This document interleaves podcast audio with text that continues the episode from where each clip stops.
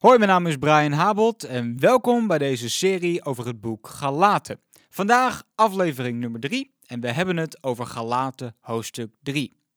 Het, de titel van deze serie is Leven in de vrijheid van geloof.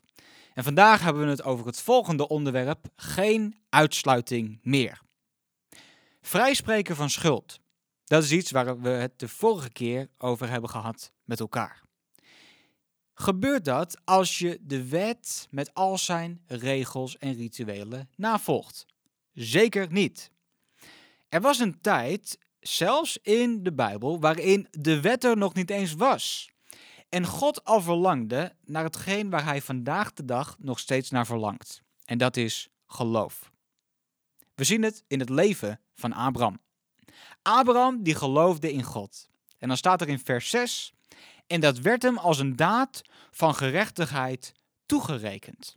Met andere woorden, omdat Abraham geloofde in God, werd hij vrijgesproken van schuld. Is dat niet bijzonder? Vers 10 daar staat: Veel mensen willen leven zoals God het wil en daarmee vrij zijn van schuld. En daarom proberen ze zich precies aan de wet van Mozes te houden. Ze vertrouwen erop dat hen dat zal redden. Maar ze zijn vervloekt. Want er staat in de boeken: iedereen die zich niet precies houdt aan alles wat er in het boek van de wet van Mozes geschreven staat, die is vervloekt. Dus redding kan niet komen door de wet, want om gered te worden door de wet, als dat zelfs zou kunnen, moet je het precies zo doen. En dat, dat gaat helaas niet. Moet je maar kijken in vers 22 en 23. Daar staat: Want als de wet de mensen had kunnen redden, dan zouden de mensen inderdaad vrij van schuld zijn geweest, als ze zich precies aan die wet hielden. Maar dat konden ze niet. Dus door de wet gingen de mensen juist zien hoe slecht ze zijn. Zo zouden ze gaan begrijpen dat ze alleen door geloof in Jezus Christus hun deel van de belofte zouden krijgen. En niet door zich aan de wet van Mozes te houden. Wauw, dat is bijzonder. En daarom staat er ook in vers 11, en dit is een ontzettend belangrijk vers, een heel bekend vers. Daar staat: De rechtvaardige zal leven door geloof. Dus niet door wat wij doen worden wij gered, maar door hetgeen wat Jezus heeft gedaan. De wet zegt: Jij moet doen, maar de genade zegt onder Jezus: Ik heb het voor jou gedaan. En daar zit een heel groot verschil in. Nou, waarom is die wet er dan? Als die wet er vele jaren later, een paar honderd jaar later is gekomen, waarom is die wet er ooit gekomen? Als wij al, zoals we dus in het leven van Abraham zien, al gered konden worden door het geloof. Nou, de wet die was gekomen voor twee specifieke dingen. In eerste plaats om mensen te laten zien dat ze schuldig waren. Door de wet kunnen we zien wanneer we schuldig zijn en aan welke dingen. En een tweede reden, de wet die hield ons op het rechte pad. Als een soort van, ja, iemand die correctie geeft, als een soort van leraar of lerares, uh, die, die stuurt jou, die geeft jou richting, zodat je ja, uh, het juiste blijft doen. En dat is ook wat de wet deed.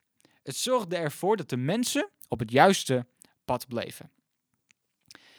Nou, God die had een belofte gegeven aan Abraham. En die belofte was dat door de zegen die op jou is, zullen alle volken gezegend worden.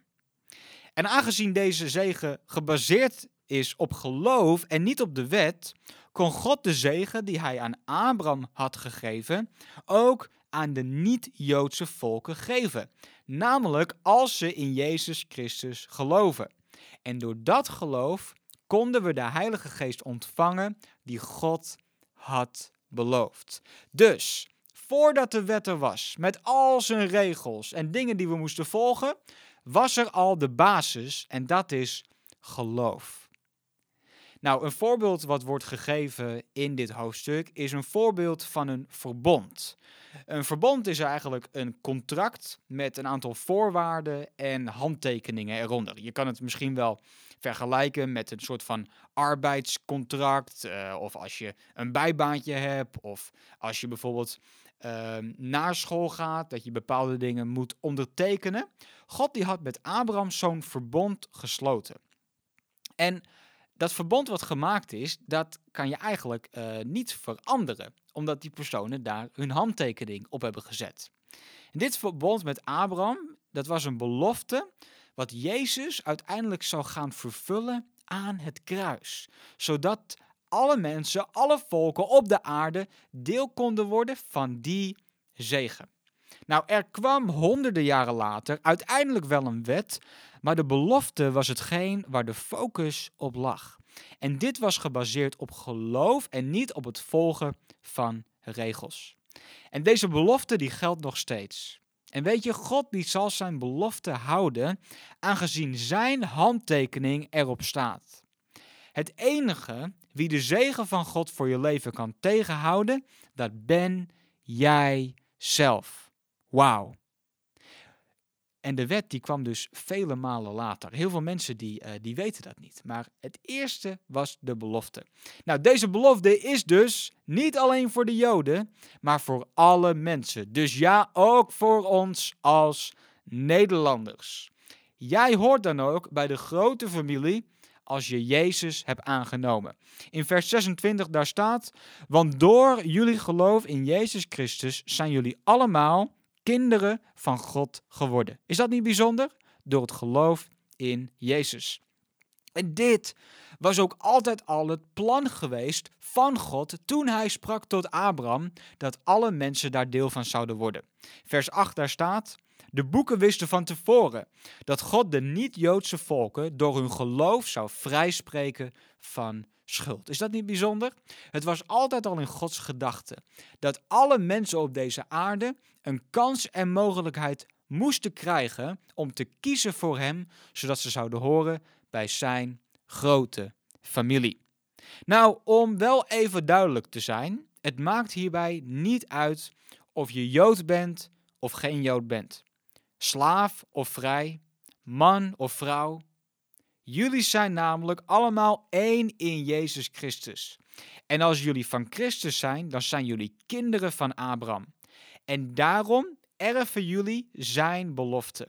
En zo is de belofte die God vroeger aan Abraham deed, nu ook voor jullie. Wow.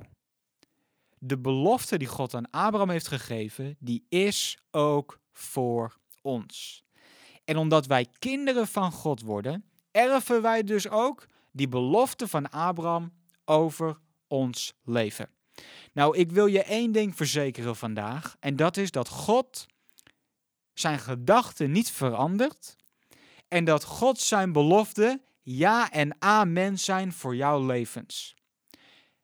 En daarmee wil ik je echt bemoedigen dat de waarheden die er staan in Gods woord voor jouw leven, ook al heb je het nog niet zien plaatsvinden in jouw leven, op een dag, en daar mogen we geloof voor hebben, zal het gebeuren. En daardoor is er geen uitsluiting meer in de familie van God. Maar als je gelooft in Hem, dan hoor je erbij. Je bent niet buitengesloten. Het is niet net als je soms ziet bij kinderen dat je een, een groepje hebt met vrienden en vriendinnen en er is één persoon die daar buiten staat. Nee, Elk persoon op deze aarde heeft een kans om te horen bij de familie van God. En dat doe je door te geloven in Jezus.